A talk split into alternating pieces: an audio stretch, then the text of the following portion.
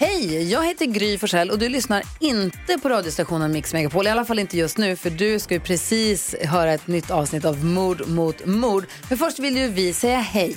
Hej, hej, det här är NyhetsJonas. Det här är Carolina Widerström. Och här är Gullige Dansken. Ja, och så Gry då. Och det vi vill säga att när du har lyssnat klart på den här podden, då får du gärna lyssna på våran. Vi spelar in ett nytt avsnitt varje morgon av våra podd Kvartsamtal.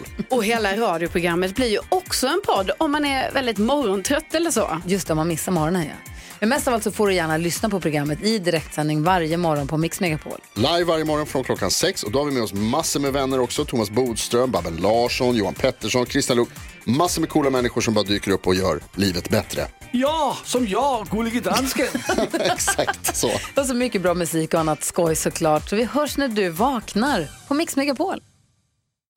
Estrella. Ja, men nu står vi här igen. Det eviga dilemmat. Dun, dun, dun, dun, dun, dun. Estrellas grillchips eller jordnötsringar. Varför välja en när vi kan välja två? Chips och jordnötsringar. Nice! Estrella. Radioplay.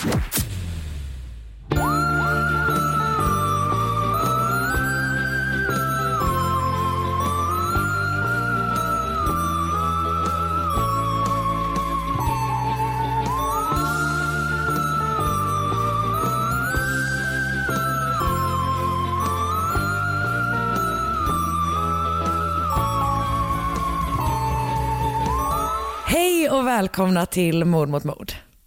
Välkomna till Väl- en vecka i coronakrisen. Verkligen, ännu en härlig vecka i coronalivet. Vi ska väl göra precis som resten av alla andra medier som det enda, det enda som man någonsin någon pratar om numera är corona. Fan vad vi inte ska göra det. Ska, Nej. vi, ska vi göra att vi inte, att vi inte pratar om det? Jag håller Gud, alla, alla har ju verkligen längtat på våran hot take annars. att de är så här, Fan, har vi två tjejer. är det väl? Ja, verkligen, vilket jävla skitvirus. Nej, jag skojar. Jag tycker vi släpper den. Den Jag tycker också det. Jag tycker Vi Anders Tegnell har oss, got our back.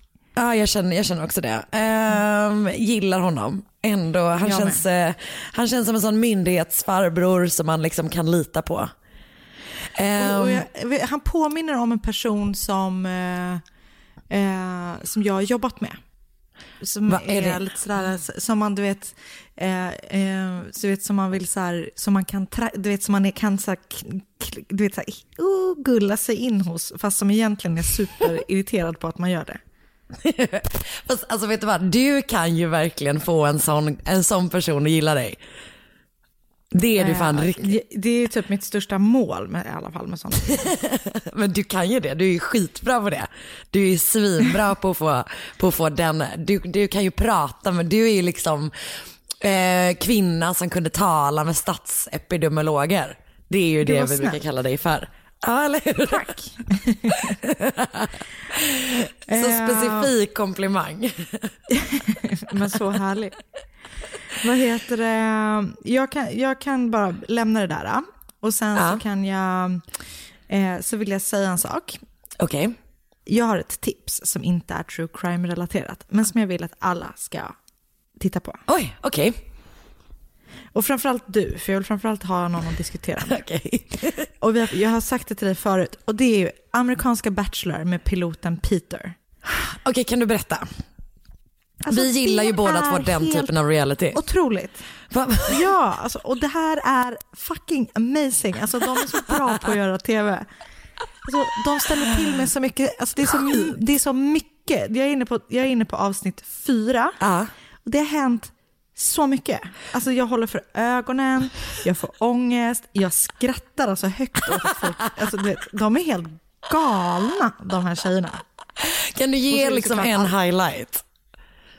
Okej, nu precis då, för när jag väntade på dig så, så tittade jag lite. Ja. Och då eh, är det en tjej som jag gillar, som heter Victoria F, tror jag. Okej. Mm. Som har fått gå på ensam dejt. Eh, Och de är på ett, en, eh, ett tivoli som är tömt. Så de är ensamma. Gud, min dröm i allmänhet. Alltså så jävla, så jävla härligt. Och de Ja. har så superhärligt och de gill, det, är så här, de liksom är, det, är, det är bra, en bra dejt. Och sen så säger han så här, ah, du, kommer aldrig, du kommer aldrig kunna gissa vad jag har för överraskning eh, nu. Och hon bara, Okej. gud vad är det vi ska göra? Typ, så här. Då har han arrangerat, eller han, då har producenterna arrangerat så att de ska få en, eh, de säger privatkonsert, men det är massa publik, men de står på en scen också, typ så här, precis mitt emot scenen, där en, en countryartist ska uppträda. Okej. För hon älskar country. Ja. Det som händer när de då, då, då, och då står, de får så här, det som också är så töntigt, de får gå genom ett jublande folkhav, liksom, så här, alla tar bilder på dem typ och sånt där. Ja. Fram till den här lilla scenen. Det som händer då är att hon bara, det här är inte sant. Hon, liksom, hon gör liksom en eh, prata ovanpå, eller du vet, man har en intervju. Hon bara, det här är mitt ex. Så då är den här kända countryartisten hennes ex-pojkvän. Nej!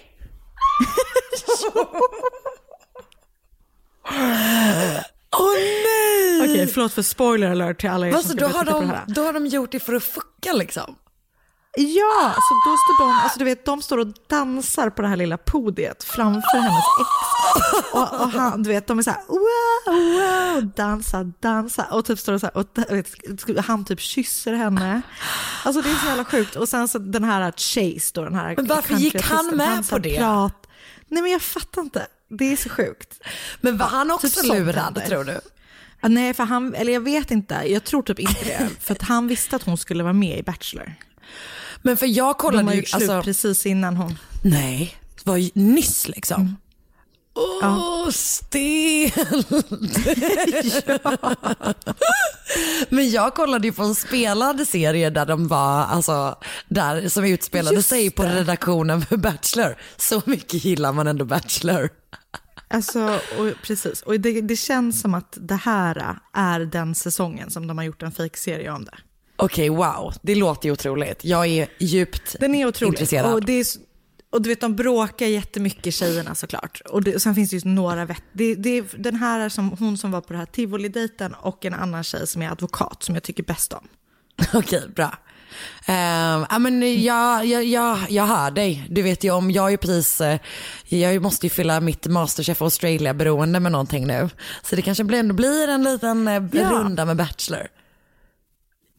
Det tycker jag verkligen. Eller hur? Jag tror att det kan bli bra. Annars, tips. annars har jag just kollat, vi har eh, förstås kollat på har du, eh, på Joe Exotic kollade vi klart på nu i helgen. Eh, som ju, Ja, ja, ja. det är ju bara stört liksom. Eh, alla är ju galna och man gillar ingen typ. Men vi har också Nej, kollat på en... Det är stört. Ja exakt och det, ja, nej men den är ju, eh, den är, man får ju bara se den, den är ju för konstig typ.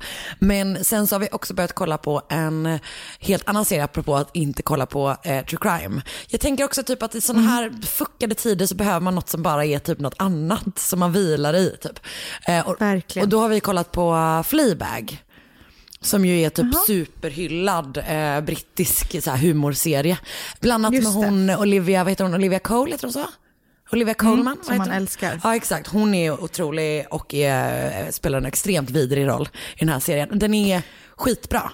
Eh, Amazon Prime. Man kunde ha en sån gratis vecka där nice. nu. Så att jag kan verkligen, verkligen, om man bara vill ha, kolla på en jättebra, eh, typ rolig serie så är Fleabag jättebra. Nice. Rekommendation. Ja, nej men så att precis, bra, precis som du säger. Fleabag, Bachelor, när man behöver något annat att eh, koppla av med i Exakt. de här tiderna. Man behöver stänga, när livet känns som en sån jävla eh, Mad Max situation, då får vi gå på, eh, på det roliga istället.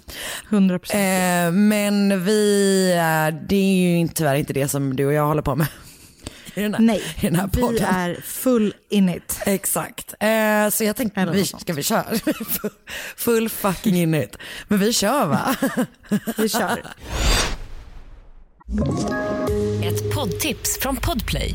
I fallen jag aldrig glömmer djupdyker Hasse Aro i arbetet bakom några av Sveriges mest uppseendeväckande brottsutredningar. Går vi in med hemlig telefonavlyssning och, och då upplever vi att vi får en total förändring av hans beteende. Vad är det som händer nu? Vem är det som läcker? Och så säger han att jag är kriminell, jag har varit kriminell i hela mitt liv men att mörda ett barn, där går min gräns. Nya säsongen av Fallen jag aldrig glömmer på Podplay.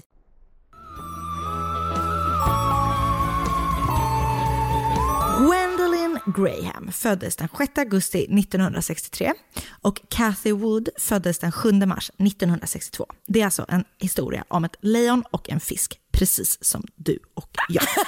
Hurra! Hur fortsätter likheterna? Ehm, de är inte så många. Okej, okej.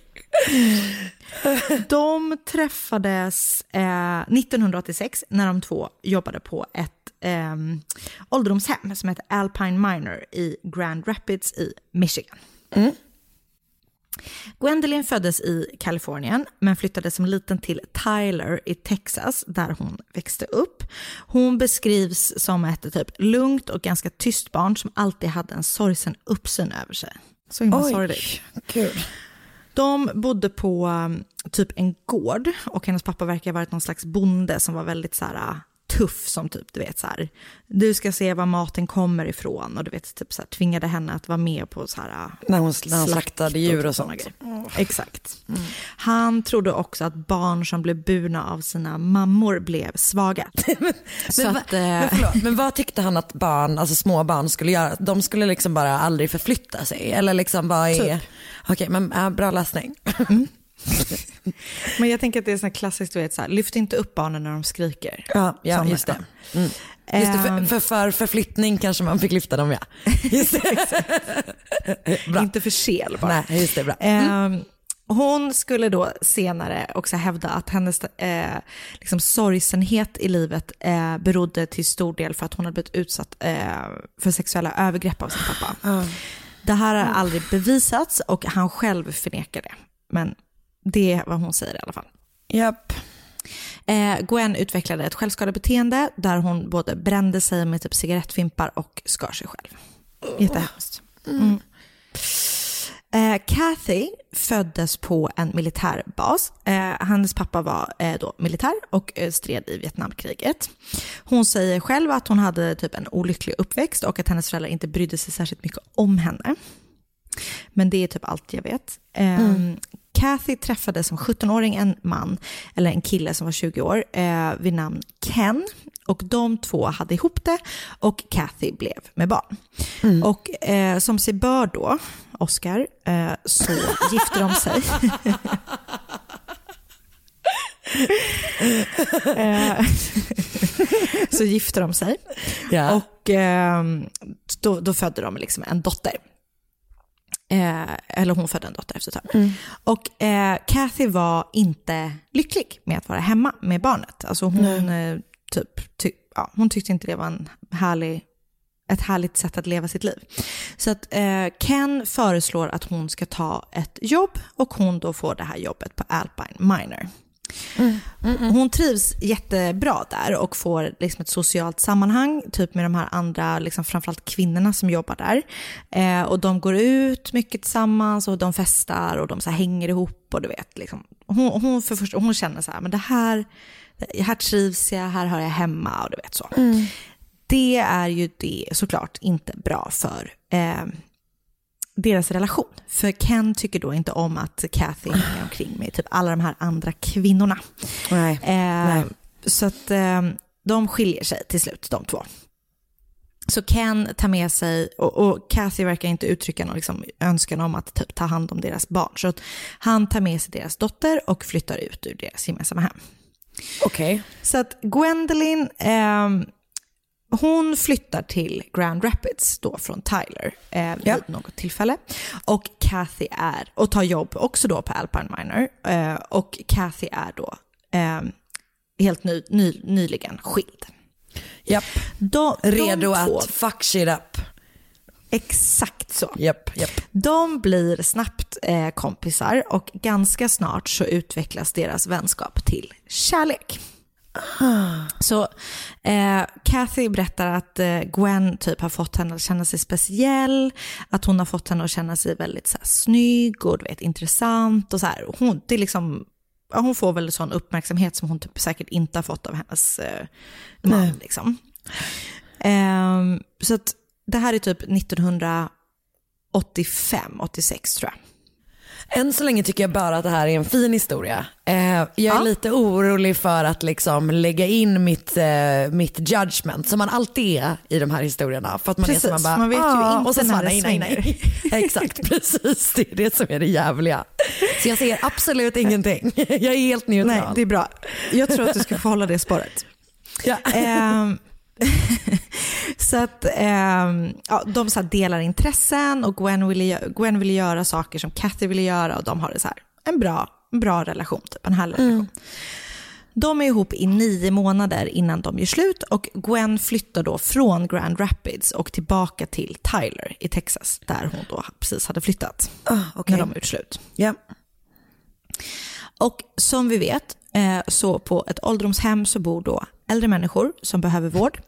Och tyvärr så eh, är det ju ett ganska naturligt skeende att eh, eh, folk går bort. Alltså boende går bort för att de är gamla och skruppliga typ. Men två år efter att Gwen och Kathy har liksom träffats eh, där under deras arbete eh, så eh, börjar polisen undersöka en del dödsfall, dödsfall förlåt, hick, som har inträffat på Alpine Miner eh, under de senaste åren. Nej. Ja.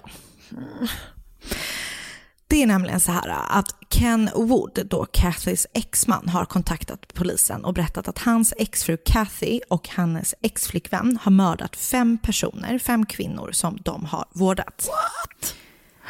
Ja. Polisen tänker först typ så här, kan det vara så att Ken bara är typ arg och sårad för att han har blivit lämnad av sin fru och dessutom liksom för typ en annan kvinna? Du vet att han, de, de, ja. De tänker Men, att det skulle eh, vara extra förnedrande för honom. ja. Extra värre, Ja. precis. Mm. Eh, men de börjar i alla fall titta närmare på Gwen och Kathy. För att de bara så här, men vi måste ändå, liksom, han verkar vara en good guy, Ken. Eller jag vet inte. Ja. Nej, men de vill kolla upp De vad börjar i man har. undersöka det här. Ja. Ja. Så eh, polisen i Grand Rapids börjar med att kontakta polisen i Tyler, där då Gwen bor, och förhör sig om Gwens kriminell, kriminella bakgrund. Och den är typ inte särskilt omfa- omfattande alls egentligen. Hon, eller den är omfattande än gemene man, men den är liksom Mm. inte, hon har typ skrivit falska checkar och sånt.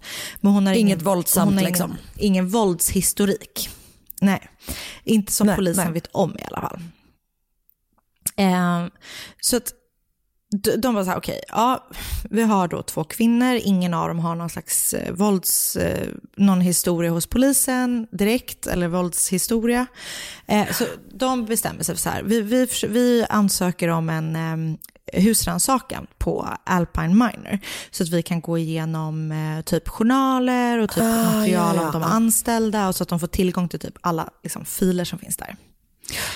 Eh, så de börjar med då att så här, titta eh, på de boende som har dött under tiden som eh, både Ka- Kathy och Gwen har arbetat på hemmet. Japp. Det, som är, det man ser är liksom att så här, det finns ingen direkt ökning som har hänt och det finns ingenting som verkar suspekt egentligen. Så här. Men det är fem stycken då som de tycker är lite extra intressanta. Och det är eh, Margaret Chambers som dog i januari 1987 efter att hon har bott på i, hemmet i fem år. Men hon är bara 60 år gammal. Hennes död har avskrivits som naturlig. Att hon liksom har somnat in typ. Det är väl, det är väl Mm. något... Jag vet inte nu om hon har någon underliggande sjukdom. Det framgick inte. Men de, man tänker att hon har dött av naturliga skäl. Ja. Även Myrtle Lucy, Lucy tror jag hon Mm. heter, som var 95 år gammal och som har dött av en hjärtattack en månad efter Margaret intresserade polisen. Och Mm. en vecka efter att Myrtle hade dött så hittade en kvinna vid namn May Mason död i sitt rum. Hon var 79 gammal och där var hennes dödsfallet registrerat som ett hjärtstopp. Okej. Eh, det som de tyckte var lite konstigt var att sköterskorna som hade arbetat den dagen hade tittat till mig bara typ så här två timmar innan hon dog och då, då hade hon varit så här pigg och du vet så här. Det hade inte varit något konstigt med henne. Nej. Två månader efter att May hade dött så dog två andra på hemmet och det var Bell Burkhardt och Edith Cook. De dog båda på sina rum och även där avskrev man, alltså avskrevs det som naturliga dödsfall. Vilket jag typ inte tänker är så konstigt, för att den enda som var liksom ung, eller vad man ska säga, var ju då eh, Marguerite. Ja, ja, då hade hon Eh. ändå varit inlagd ganska länge så hon måste ju ändå ha varit liksom rätt Något sjuk helt enkelt. typ. Ja, Ja, men exakt. Ja. Eh, Jag tycker det är intressant, för min mormor bor ju på ett så här, som det heter seniorboende. Där får man flytta in när man är 55. Men jag, och det är liksom Gud, så som vilsamt. är typ 55. Jag vill göra det. Men typ, gud verkligen. Men de, de har ju för sig egna, de har ju så egna lägenheter och sånt. Så Japp. att det är inte att de Ja, bor, exakt. det är inte så här korridorsaktigt. Men jag tänker att det är fett trist eller? För alla andra är ju typ som min mormor som är så här 89 och Fast jag, tänker typ att, fast jag tänker att det beror helt på liksom vilket typ socialt liv man har runt omkring. För att om man inte har något socialt liv och man vill ha det, så tänk, och man är typ 60 år gammal, eller du vet så, Mm. så kanske det ändå är, alltså jag menar folk är ju typ 75 år gamla och superunga in their Ja. minds idag liksom. Ehm, så. Men jag tänker, vill man ha det umgänget då? Man kanske bara gillar bingo så mycket. Och på min mormors seniorboende, där har de eh, filmvisning Du vet i vad? uppehållsrummet. Min mormor gick på, eh, eh, som, hon själv, som hon själv sa, att hon gick som mannekäng på ett sånt boende en gång. Ja, hon och att hon, hon, gick på, hon gick som mannekäng med sin käpp. som bara, du, du, du. Då var hon nöjd. Hon var också där Eh, väldigt mycket ja, på bingo nej. faktiskt. Jag har aldrig gått ja, jag, jag tror jag kommer vilja vara lite äldre än 55. Men, jag, jag Verkligen. tror det i alla fall. Ja, det är sant. Nej, jag håller med. Jag håller med. Okej. Ehm, ja, eh, så att det, det är egentligen ingenting konstigt. Men det som får polisen att så här haja till lite grann är att en av de boende berättar att han ska ha blivit attackerad av en sköterska eh, på sitt rum. Eh, men, att det var, men, men det var ingen som typ trodde på honom. För att det var många som bodde på hemmet som typ var förvirrade eller du vet dementa eller hade Alzheimers eller vad som helst. Så att, du vet så här, alla bara var så här, ja ja Kurt, Absolut. Det, det var säkert någon som typ försökte, du vet så här. Kurt är så jävla on-brand namn för någon som är lite förvirrad. Jag tänker på Kurt Olsson, kommer du ihåg honom? Lite förvirrad. Lasse Brandeby säger jag. Det och rena rama Rolf, vilken Rolf? Mm. Det roligaste man visste när man var liten var ju att han kallade, vad heter det, Robert Gustafssons karaktär för Nisse Pisse Päron Pung. Alltså det är ju det roligaste man någonsin hade hört. Alltså, det var det verkligen, en serie på 90-talet. Rena rama Rolf och eh, en, en fyra för tre. Gud klassiker, även, eh, vad heter det, Svensson Svensson. Också Svensson. Svensson. Eller Karo Segemyhr. Det var min pappas favoritserie. Gullig. Johan Ulveson som var mellan två jobb, det tyckte min pappa var jättekul. Det är kul att tycka. Okej. Ja, skitsamma, ja. Eh, så att folk är typ så här, "Ja, ja, det, visst du blev säkert attackerad på ditt rum, det Ja. tror vi på. Polisen bestämde sig i alla fall för att här, kolla upp, och så här, men vilka, vilka, jobbade Gwen och Kathy under den här dagen? Finns det någon möjlighet att han faktiskt har blivit attackerad av någon av dem? Och båda de hade arbetat, så de bara, okej, kanske att Kurt inte är så snurrig i bollen som man tänker sig att han var. Nej. Eh, kollegorna på Alpine Miner tyckte att Kathy och Gwen var trevliga personer. Eller de hade i alla fall tyckt det till en början. Att de typ så här, eh, du vet, först var bara så här, ja men två härliga tjejer typ. Gud vad hemskt. Gud, men då, så, jag det, i- så det har de jag gemensamt med oss. Folk. Exakt. Okej, Bara jag ett lejon. Lejon och en fisk och två härliga tjejer. Gud det är ju du och jag. Okej, nej men eh, de har tydligen verkat så här härliga att umgås med från början, eller bra kollegor, eller jag vet inte. Men ju längre tid det gick så verkar de liksom ha varit så här, bara, nej det, det är något som är lite weird med de här personerna. Tydligen så har de gjort så här taskiga spratt mot de boende på, på hemmet. Det här är så himla hemskt. De har typ flyttat dem så här mellan olika rum, så typ att de ska bli så här helt förvirrade och typ sådana vidriga saker. Alltså sådana människor som, som, som arbetar med gamla människor får typ så här jävlas med dem. Alltså jag blir så arg på det. Men alltså jag hatar ju folk som gör pranks i allmänhet och folk som då gör pranks mot gamla förvirrade gamla. människor. Alltså, ja, nej gud ja. Ja, ja, gud ja, verkligen. Det är också dumt att de har mördat de här fem personerna. Ja, ja, nej precis. Det är ju en annan, femma. Men eh, ja, så att de, men, och typ så här, alla är bara så här, vad gör ni typ? Men de typ bara så här garvar åt och bara så här, men vadå det är kul typ. Så. Gud vad hemskt. Okej, ja så vidrigt. Okej, så då har polisen så grävt lite i vad som har hänt eh, på hemmet. De har pratat med polisen i Tyler om Gwen. De har pratat med kollegor.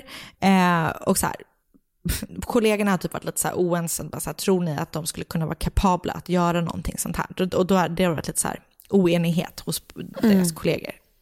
Men eh, så de bara, okej, men nu har vi det typ så här lite bakgrund.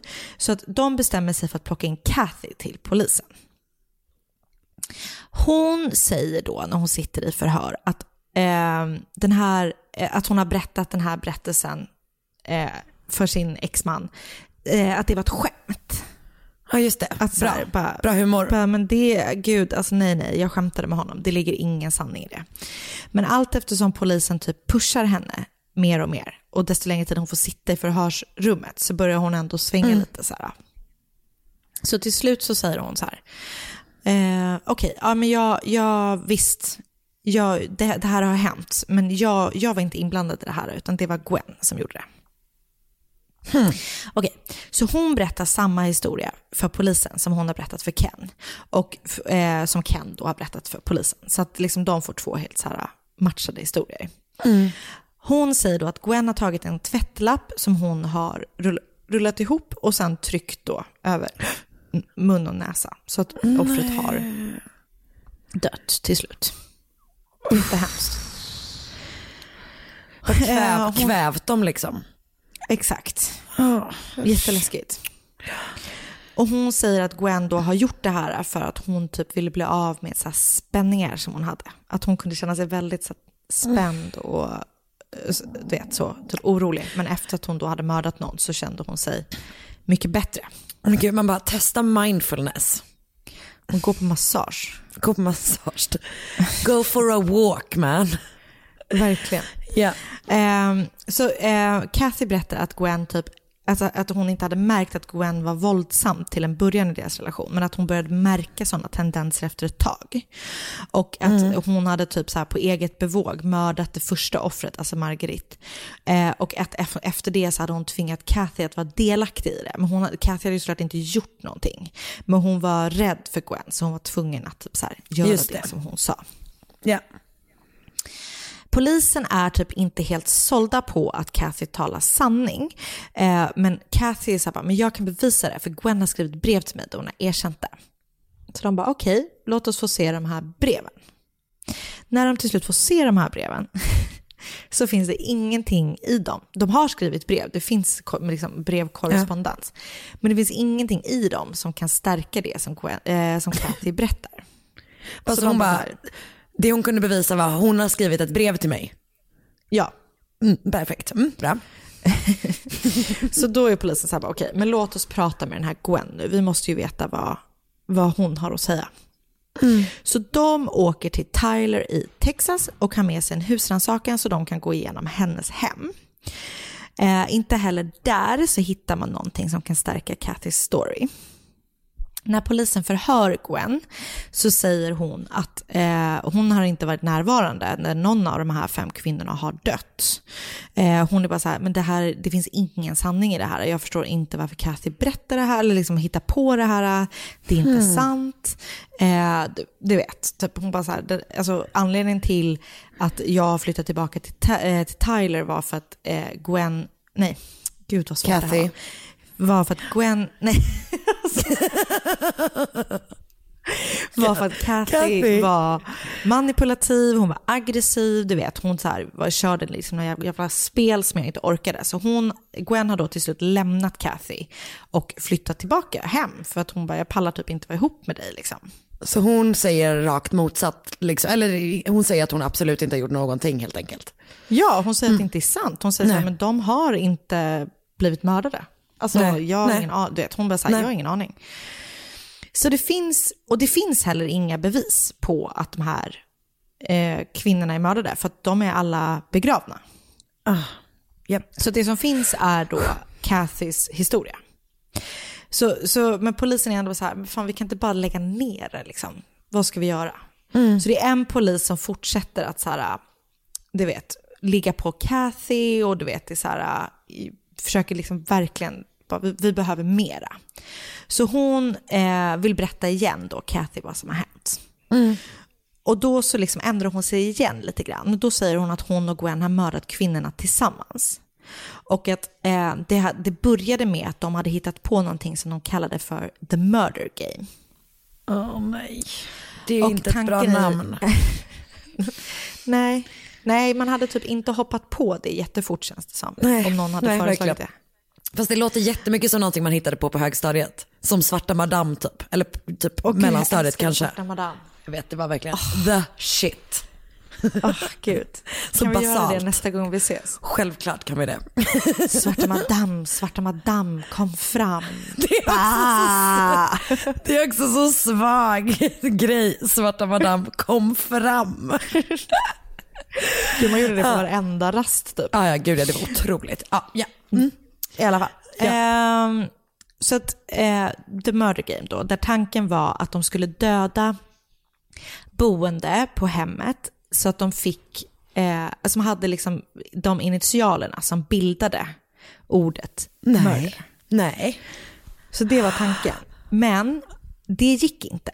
För att flera av dem som de typ hade planerat att mörda ställde till med typ, alltså du vet, att, ja men typ den här Kurt då. Att de så här, det gick inte att mörda honom. Han hette väl kanske Urban då, eftersom att de behövde ett U. Efter, men jag Just vet det. inte. Ja, ja, ja. Eh, Du har ju så från början bara hittat på att han hette Kurt så att det är liksom inte... Absolut, Ja, mm. absolut. Det Ja just det, men så, okej, så det var planen var att gå på bokstäverna men det funkade inte för att de insåg att de behövde lite mer opportunity grejen liksom Exakt. eller? Ja jag fattar. jag fattar. Precis, så då ställde de om, liksom var så här, vi tar de som är enklast typ. Eller du vet, där, där typ tillfället ges. Ja, ja. Eh, och Kathy sa att så här, hon bara, men jag, jag var bara med på det här för att jag var så kär i Gwen och jag, jag liksom mördade ingen men jag var med på det, på hennes idé. Jag var den som höll liksom utkik så att ingen skulle komma på Gwen när hon mördade. Eh, men, eh, men till slut hade Gwen då sagt så här, nu är det din tur typ. Och då hade hon inte velat och det var då hon hade eh, berättat för Ken och det var då Nej, det var inte då hon hade berättat för Ken. Det var då eh, Gwen hade lämnat Kathy för att hon inte ville. Okej. Eh, och då är polisen bara så här, ah, okej, men det här känns kanske lite mera, lite mer som ett rimligt erkännande än det första. Liksom. Nu berättar hon ändå att de båda två är med och du vet sådär. Men det finns fortfarande inga bevis mer än Kathys erkännande. Och alla är begravna, varav tre av de här fem kvinnorna har blivit kremerade. Kremerade. Men de andra två ligger bara begravna. Eller bara, men de har begravts liksom så som de är. Så Ja. polisen då eh, ansöker om att få plocka upp kropparna. Vilket de fick. Och alltså, som jag förstår det så hittar man typ inte heller någonting direkt som visar att de har blivit mördade. Men ändå så förskrivs eh, obduceringsprotokollet och där skrivs dödsorsaken skrivs om till mord. Okej. Så jag, jag vet inte riktigt hur det har gått Nej, till. nej. Ehm, men efter det så grips både Gwen och Kathy. Så Gwen grips och eh, anklagas för ett mord och Kathy grips för ett mord och ett conspiracy to commit murder. Ah. Och den 11 september 1989 så inleds deras rättegång. Och, Men gud. eh, Det känns, eller det känns fortfarande som att det är så jävla circumstantial typ. Alltså så mycket. Ja, verkligen. Det finns inga Intressant. bevis och de har två helt olika berättelser och man vet ju så självklart inte vem som talar sanning. De gör ju massa så här, eh, vad heter det, eh, lögndetektortest och sånt. Men Ja. det är typ på ingen av dem, ing, det visar inte att någon av dem talar sanning. Alltså du vet så här, det är, bara, det är bara så jävla konstigt. Ja, ja. Så I april eh, så skriver, i april 1989, nej, 1990 sa måste det vara. Ja. Så eh, skriver Kathy på en förlikning. Där, som innebär att hon ska vittna mot Gwen. Och att i utbyte mot det så blir då hon bara åtalad för ett mord och ett conspiracy to commit murder. Precis det som hon var liksom åtalad eller anklagad för från början. Just det. Och genom Kattys vittnesmål så blir eh, Gwen åtalad för ett conspiracy to commit murder, som jag inte vet vad det heter på svenska. Så Anstiftan va? Eller? Det är det nog. Anstiftan till mord tror jag.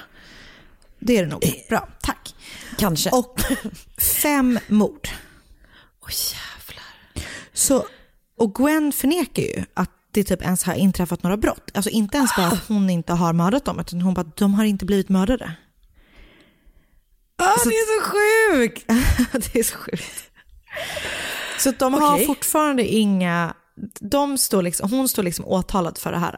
Och de har fortfarande inget bevis från henne, och de har, eller inga fysiska bevis, och de har inget erkännande från Gwen. Så att polisen är bara så okej vad fan ska vi göra? Ja, men vi förhör Gwens nuvarande flickvän. Eh, och då berättar den här nya flickvännen en historia som styrker Kathys historia. Okej.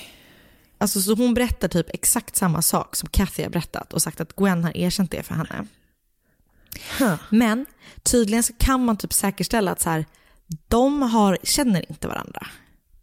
Alltså du vet, så här, det är inte så att Kathy kan ha ringt upp den här nya flickvännen och Nej, bara, nej, nej. det här är vår story. Utan Just de det. verkar typ inte ha haft någon kontakt med varandra. Så att man ser det då som att det är två helt oberoende Källor som personer. säger samma sak ja. Exakt. Just så det. då är den bara så här, ja, det är sant. Nej, men...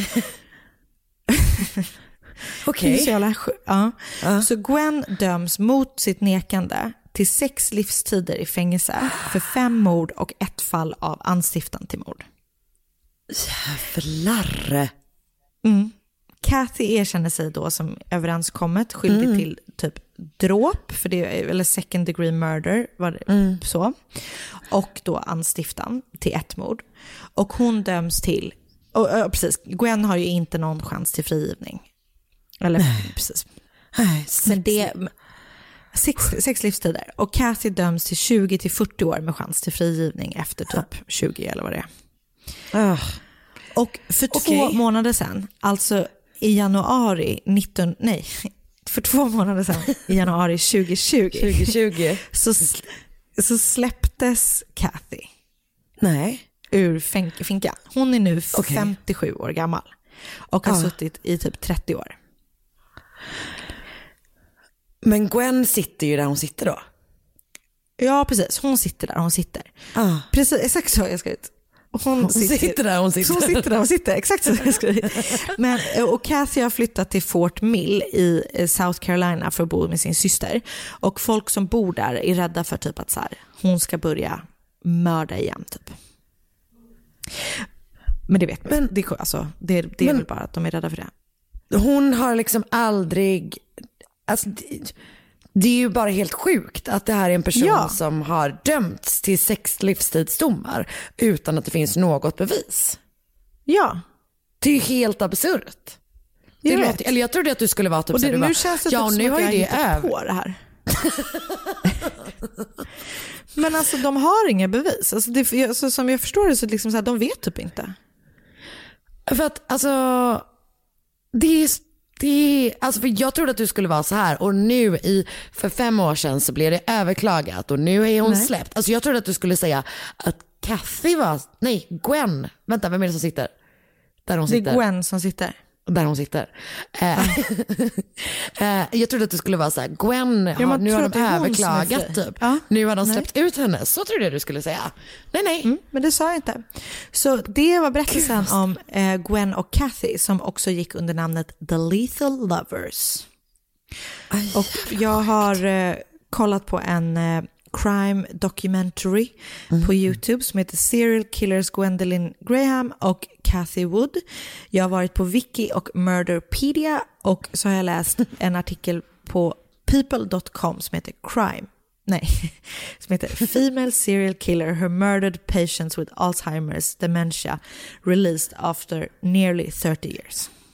De gillar verkligen en lång rubrik på vissa ställen. Ja, det är härligt. Det där var jättekonstigt. Tack så jättemycket. Ja, Tack snälla du. tack själv. Ett poddtips från Podplay. I podden Något Kaiko garanterar östgötarna Brutti och jag, Davva, dig en stor dos skratt. Där följer jag pladask för köttätandet igen. Man är lite som en jävla vampyr. Man har fått lite blodsmak och då måste man ha mer. Udda spaningar, fängslande anekdoter och en och annan arg rant. Jag måste ha mitt kaffe på morgonen för annars är jag ingen trevlig människa. Då är du ingen trevlig människa, punkt. Något Kaiko, hör du på Podplay. Därför är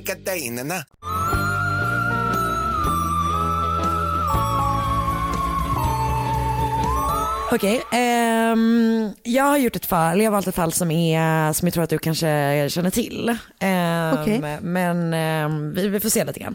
Du och jag har just flyttat Mhm. eh, in på ett seniorboende. Nej, men vi vet att man blir medveten om, eh, eller man tvingas möta all skit man har samlat på sig genom åren när man flyttar. Oh, eh, saker som man typ kanske bara ställt undan i ett förråd. Nu måste man deala med den.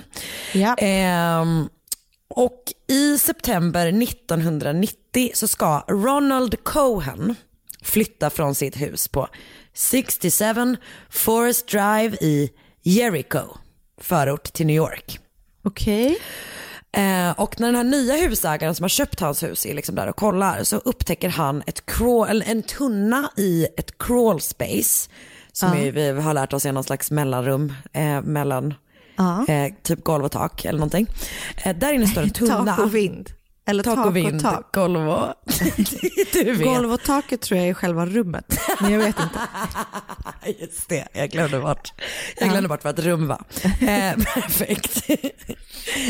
Ehm, ja, men han har i alla fall där, han har sett en tunna där, han är så här, du måste göra dig av med den, den vi, vill inte, vi vill inte att det ska stå en tunna här givet när, när vi flyttar Nej. in. Ehm, och det är lite annan skit också. Så att Ronald ligger, ringer typ en sop, någon slags sophanteringen som kommer dit och ska hämta hans liksom så här, eh, sopor. Eh, men den 2 september så när han, han har ställt ut alla sakerna som för hämtning men när han kommer dit så står den här tunnan fortfarande kvar och de sopgubbarna har liksom satt en lapp på tunnan och det är så här, den här är för tung typ, vi, vi kan inte ta med oss den här eh, för den väger för mycket. Och eh, han blir väl säkert liksom lite irriterad på det då och inte minst blir han irriterad för att det är faktiskt inte hans tunna från början utan den stod där när han flyttade in. Okej. Eh, men han var lite mer chill about it och var så här, ja ja den kan väl stå i mitt crawl space, jag hänger ändå inte där så mycket. Typ, typ att jag hade varit likadan själv.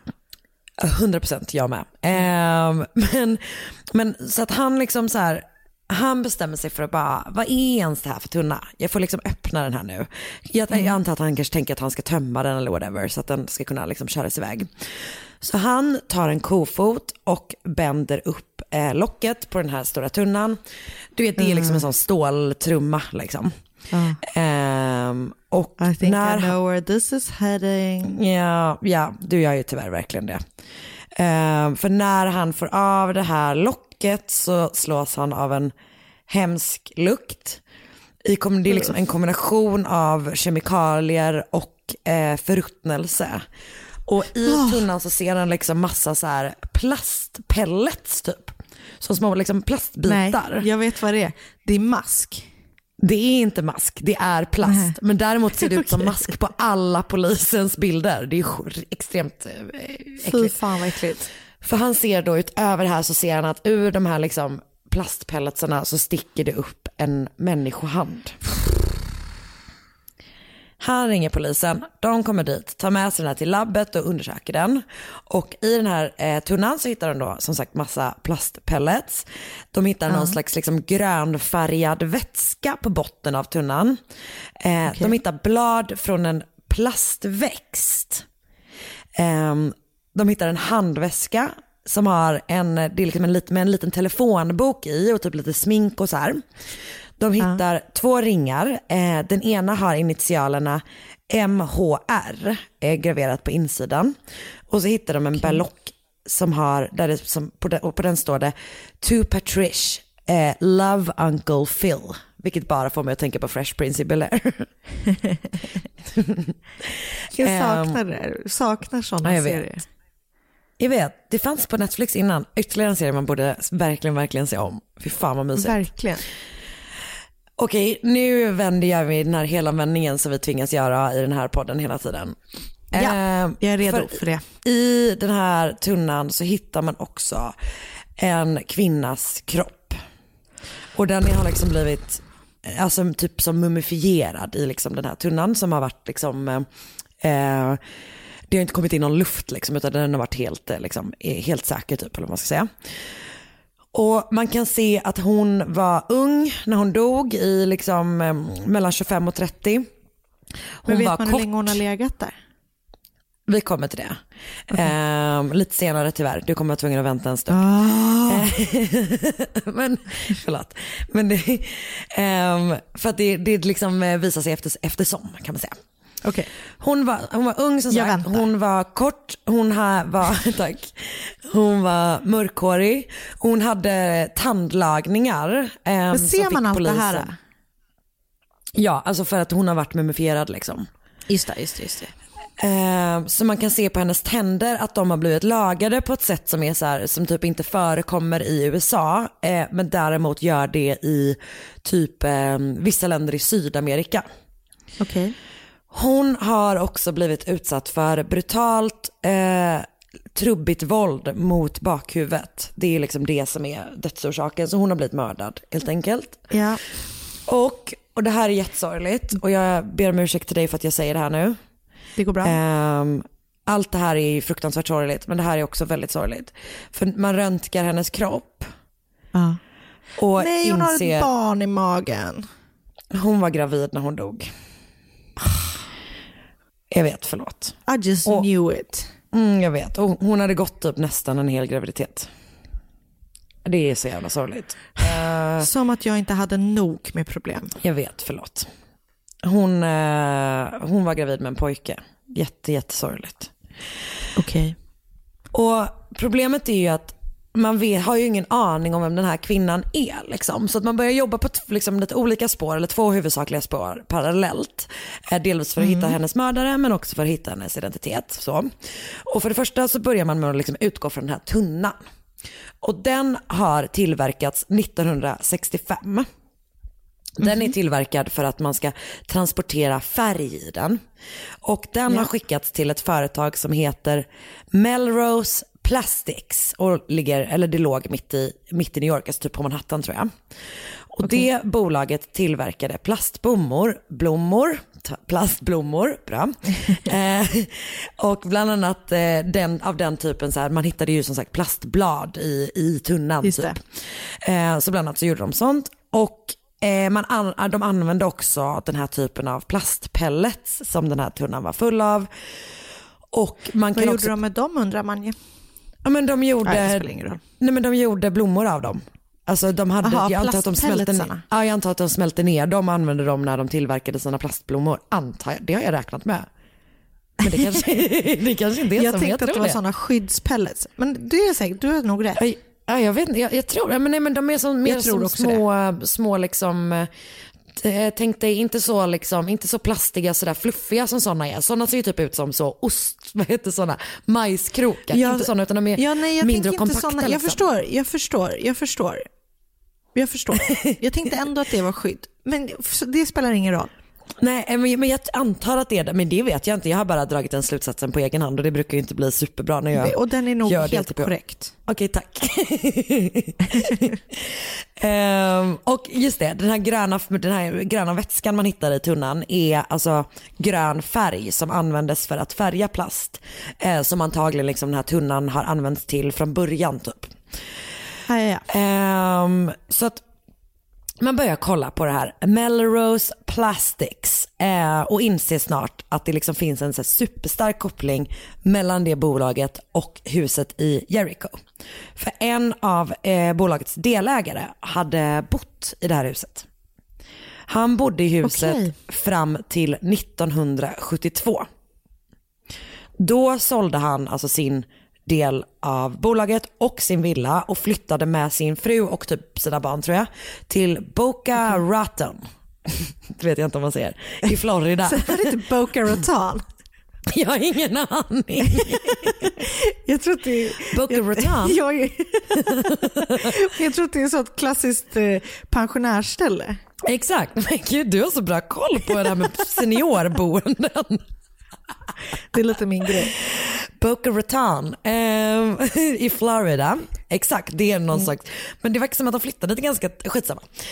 Ehm, de verkar ha varit ett sånt gäng som flyttade dit väldigt unga med hela sin familj. Men det kanske finns olika delar av det, jag vet inte. Men så 1972 lämnar de alltså den här tunnan i sitt crawl space i sin gamla, Okej. i sitt hus. Och om du minns så börjar vår historia 1999. Alltså, Jävlar. Japp. Och det, Det är så lång tid. Alltså huset har alltså sålts flera gånger liksom. Eh, och folk har liksom levt med den här eh, tunnan bara i, eh, i, sin, liksom, i sitt hus. Eh, Det är så sjukt. Ja jag vet, det är också helt stört att han uppenbarligen har lämnat den tunnan där. Att det var hans sätt att lösa, alltså ja. Men det kommer vi in på mer sen. Eh, Uppenbarligen var så funkade det ju bra. Det var ju effektivt. Du vet, det är också helt sjukt. um, Okej, så den här snubben då som hade ägt Melrose Plastics och det här huset het, hette Howard B. Elkins. Hans grannar var så här. Good guy, du vet, aktiv i området, Ja. trevlig, bla bla bla. Han och hans familj, ehm, de var de första som ägde det här huset. De bodde där från 57 till 72, då, då de flyttade till Boca Raton. Ehm, och som, alltså, så att han är ju super, super misstänkt förstås. Liksom. Och en Ja. dag så får då eh, polisen också ett eh, samtal, ett anonymt samtal som säger att Howard Elkins i mitten av 60-talet hade en utomäktenskaplig relation med en ung kvinna ehm, med, Jaha. från ett sydamerikanskt land. Och den här kvinnan hade då jobbat för honom så det var så de hade träffats. Liksom. Okej. 9 september 1990, Howard Elkins är 71 år gammal eh, och polisen dyker upp hemma hos honom i Boca Raton, seniorboende. Han är ensam hemma, han är väldigt motvillig till att polisen ska prata med honom. Han får se, Såklart. ja självklart. Eh, han får Han har gått fri från mord i typ Alltså 30 han har, år. klar, han har klarat sig så jävla länge. Det är så jävla stört. Ehm, han får se bilder på den här tunnan och på de här pelletsarna, på färgen, allting. Han bara, jag har aldrig sett något liknande. Man bara, fast nu är du ju bara dum i huvudet. För alla vet ju att du ägde det här företaget liksom. Det är skitdumt att ljuga om det typ. Men det gör han i alla fall. Han säger att han inte har någon aning. Han erkänner att han hade en affär i 60 på 60-talet. Men han kommer inte Okej. ihåg något om den här kvinnan. Alltså han kommer inte ihåg vad, hur hon såg ut. Han kommer inte ihåg hur hon, vad hon hette. Ingenting. Man bara you fucking asshole. Ehm, men ehm, så är det i alla fall. Och han säger att han bara, han, ja jag visste om att det fanns ett crawl space. Jag tror till och med att det var han som skapade när de gjorde någon utbyggnad liksom så här, på huset eller någonting. Men han har aldrig varit där inne. Alltså typ att han säger så han bara why would I go there? Typ så när han får frågan. Poli- han bygget? Nej men jag tror att han byggde ett an- alltså något annat och så blev det liksom en, eh, något slags död alltså utrymme. det, liksom. Ja. Eh, så. Eh, polisen berättar för Howard Elkins att kvinnan i tunnan i hans hus var gravid och de vill ha ett DNA-prov för att avgöra om han var barnets pappa. Och jäklar. Och de säger, de bara, vi har med oss DNA-test nu så vi kan bara ta en swab av dig och sen kan vi liksom utsluta dig från det här. Ehm, han vägrar. Han blir liksom arg. Och sen ringer telefonen, det är hans fru. Och han, efter det säger han så han bara, jag varken vill eller kan eh, prata mer, mer, utan nu får ni gå härifrån. Och innan de går så säger en av poliserna till Howard Elkins att så bara, vi kommer komma tillbaka. Och vi kommer komma tillbaka med ett court order på att du måste lämna ditt DNA till oss typ. Men på eftermiddagen dagen efter, alltså den 10 september, går Howard Elkins hemifrån. Och när han flera timmar senare inte har kommit hem igen så kontaktar hans familj polisen och anmäler honom försvunnen. Men polisen kommer inte vara de som hittar Howard utan det gör tyvärr eh, hans son. Han hittar sin pappas bil i en familjeväns garage. Och när han kollar in i den Okej. så har, ser han liksom sin pappas döda kropp.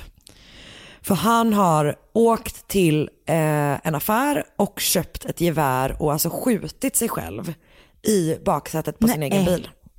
Dagen efter att Hemma polisen hos var någon där. annan. Hemma hos någon annan. Vilket Fan vad taskigt. Men tror du att det var för att han hoppades att typ hans familj inte skulle träffa honom, hitta honom?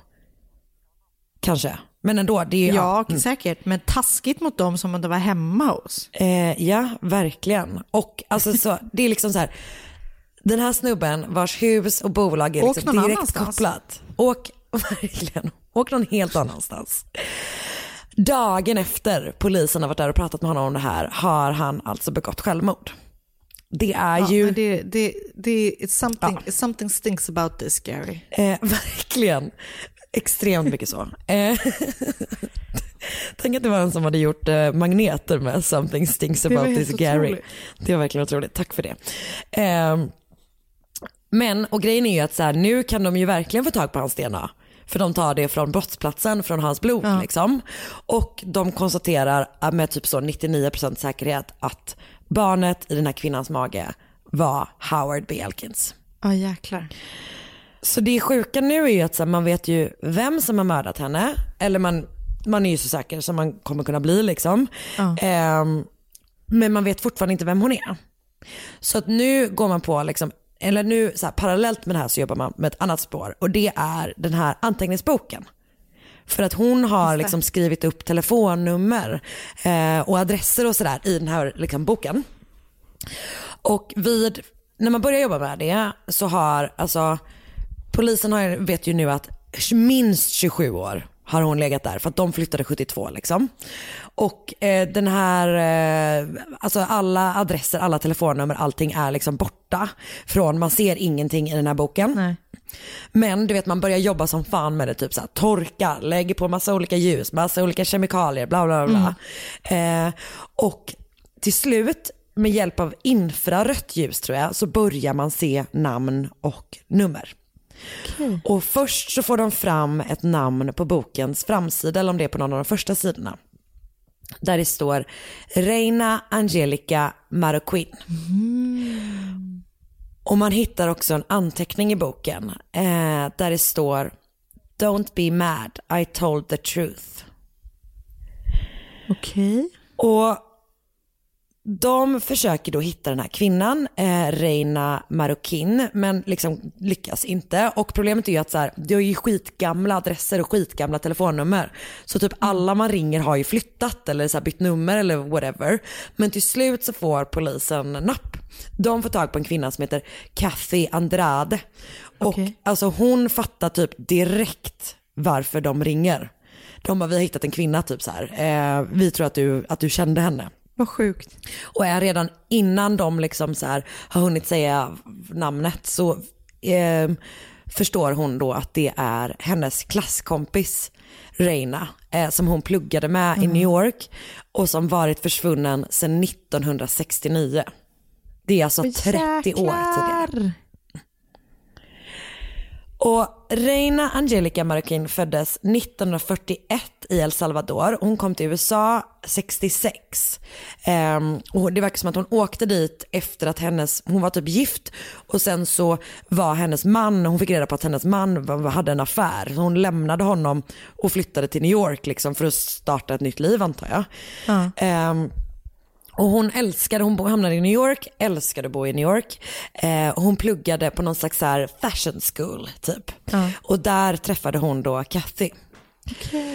Så tre år efter att hon har kommit till USA eh, är hon alltså 28 år gamla, gammal och då jobbar hon bland annat med, hon jobbar delvis med att passa barn och delvis då på det här Melrose Plastics. Där hon liksom jobbar i fabriken helt enkelt. Och det finns vittnesmål om att hon brukade ha ett litet barn med sig så här, på jobbet ibland. Eh, men att hon typ vägrade prata om vem pappan var. Och att folk så här, i efterhand misstänkte att det var Howards barn, alltså redan det. Okej. Alltså att hon hade en affär med honom redan då. Men det är liksom inte bekräftade uppgifter, alltså det här om barnet. Att de hade en affär vet man liksom, men, Ja. men inte det här om barnet. Och jag vet inte, jag har inte hört någonting om vad som hände här med barnet. Så att jag hoppas verkligen att i mitt huvud nu så tänker jag att hon inte alls hade det. Utan att det kanske typ var ett barn hon passade. Säkert. Eller du vet så. För hon jobbade ju med det också. Så. Exakt, precis. Ehm, och du vet Howard ska ha sagt till Reina att han typ tänkte lämna sin fru, du vet sådär som det är alltid, Alltid eh, alltid där. det. Men han drar liksom ut, ja exakt.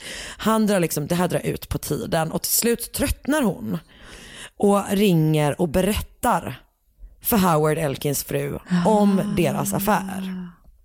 Åh nej, så han Och- blir arg. Ja, efter det så berättar eh, Reina för Kathy Andrade att hon var rädd för honom. Liksom. Att hon bara, nu, jag vet inte vad han kommer göra, han är, han är läskig liksom. Och han har liksom blivit hotfull typ. Och det, när hon berättar det för henne var sista gången de pratade med varandra. Åh nej. Och sen får Kathy inte tag på Reina så hon typ går till hennes lägenhet i New Jersey eh, och du vet så här, försöker typ alltså liksom försöker hitta henne där men den är tom och det är liksom, sen dess är hon bara spårlöst försvunnen. Hon försöker förstås gå till polisen, hör och häpna. Det kommer typ en ung kvinna med sydamerikansk eh, bakgrund som är så här bara hej min, eh, min vän som kommer från El Salvador hon eh, hon är borta typ. Eh, hon har träffat den här mannen men eh, jag vet inte vart hon är nu. Hon var rädd för honom. Hon får ju absolut Nej, inget gensvar. Nej, eh, utan polisen ska på riktigt ha sagt så här, bara, hon kanske har gått och shoppat. Man bara just det, i flera dagar i sträck och vi kommer inte Det- kontakta det någon stämmer. någonsin igen. Perfekt liksom. Verkligen, Eh, seems legit. Eh, så att ingen tar ju liksom henne på, på allvar typ. Ehm, och jag tänker också typ att bara den grejen att du vet så här, att eh, den mannen som anklagas är typ en framgångsrik vit företagare eh, sätter väl typ extra mycket käppar i hjulet. Liksom. Såklart. Så det går 30 år. Ehm, alltså du vet Reinas föräldrar eller mamma i El Salvador, hon slutar få brev från sin dotter, hon vet absolut ingenting. Liksom. Fy fan vad hemskt. Men nu är hon då till slut återfunnen och polisen tror att eh, han antingen mördade henne i hennes lägenhet eller i fabriken. Att han la hennes kropp i den här tunnan för att kunna flytta den. Liksom. Eh, eller det man tror är att han tänkte ta med sig tunnan ut på sin båt och eh, dumpa den. Ehm, men så, så la han i de här plastpelletsarna för att den skulle bli tyngre så att den skulle sjunka.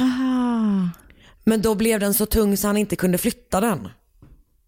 Men så istället så gud. lämnade han den i sitt crawl space och flyttade från sitt hus. Alltså vad är ens det? Det är så stört. Och typ, men jag fattar typ inte heller så här, hur fan kan man ha så lite typ känsla för en person som man ändå haft en relation med. Att man liksom lägger hennes kropp i en tunna och lämnar den där. Alltså det är, Det är så jävla obehagligt. Ah, Att, ja, mm. Väldigt läskigt. Okej, ja, jättehemskt. Ehm, Men efter att det här kommit fram då vem hon är så flyger en journalist som heter Oscar Corral till San Martin i El Salvador för att berätta för Reinas mamma som nu är, då är 95 år gammal vad det är som har hänt hennes dotter. Och hon har, liksom, hon har inte haft någon aning som sagt. Eh, och hon är typ så här, hon typ nästan så kollapsar efter Ja. att få höra att hon har fått höra de här nyheterna. Och till slut, efter att utredningen är avslutad, så flygs Reina Angelica Marroquins eh, kropp till hennes mamma eh, och i eh, El Salvador där hon begravs. Och hennes mamma säger, nu är hon hemma igen. Hon kom flygande tillbaka hem som en duva. Nej. Och bara en månad senare så dör Reinas mamma och begravs bredvid sin dotter. Hon har väntat på att hon ska få komma hem. Alltså det känns ju verkligen, hon säger också typ att hon har haft liksom, att hon har drömt att hennes dotter har varit i en tunna och sådana saker. Det var så jävla hemskt. Hon bara, du vet hon kommer till ett nytt land och sen bara försvinner typ. Ja, fy fan Åh, det är så jävla hemskt. Jävla as alltså. Så det där var då eh, mordet på Reina Marroquin eller, eh, alltså det brukar ju du vet så här kallas för the body in the barrel och the lady Ja. in the barrel och sådär. Eh, och jag har sett ett forensic sorgligt. files, ja jag vet det är fruktansvärt sorgligt. Jag har sett ett forensic files avsnitt som heter A voice from beyond. En, jag läste en CBS-artikel som heter The Clue in the Drum, en New York Times-artikel från 99 som är från, 99, som är från tiden då, som heter Suicide adds to mystery of corpse found in drum och förstås också vår vän Wikipedia. Härligt. Tack för det. Det var fruktansvärt, oj, fruktansvärt sorgligt. Jaha, tappade du mig i din mage nu? Ja. Jag känner mig så nära ditt barn. Mm. Ehm, men, eh, och tack, till, tack för att ni eh, har lyssnat. Tack allihopa. Gå med i vår Facebookgrupp. att- Gör det. Eh, och vi hoppas att eh, nästa vecka så sitter vi tillsammans. Jag saknar dig jättemycket Ja, jag Anna. vet, det, det har varit jag så tycker lång, inte det har att det är tagit så lång lika tid nu. roligt att podda så här. Nej jag vet, jag tycker inte heller det. Man vill vara med varandra. Det är roligare att ses. Det är verkligen, verkligen roligt att ses. Jag vill också verkligen se er lägenhet. Så att, eh, Mm. jag, jag tycker verkligen, så länge inte Tegnell säger st- stänger in oss så får vi lösa det här nu. Nästa helg. Då löser vi det. Okej, då löser vi det bra. Stay Eh, safe everybody. Stay- Så har jag alltid, så jag alltid velat avsluta. Stay fucking safe. Ah, nej, men det är verkligen. Eh, ta hand om er så hörs vi nästa vecka. Ett poddtips från Podplay. I fallen jag aldrig glömmer djupdyker Hasse Aro i arbetet bakom några av Sveriges mest uppseendeväckande brottsutredningar. Går vi in med hemlig telefonavlyssning och, och då upplever vi att vi får en total förändring av hans beteende. Vad är det som händer nu? Vem är det som läcker? Och så säger han att jag är kriminell, jag har varit kriminell i hela mitt liv men att mörda ett barn, där går min gräns. Nya säsongen av Fallen jag aldrig glömmer på Podplay.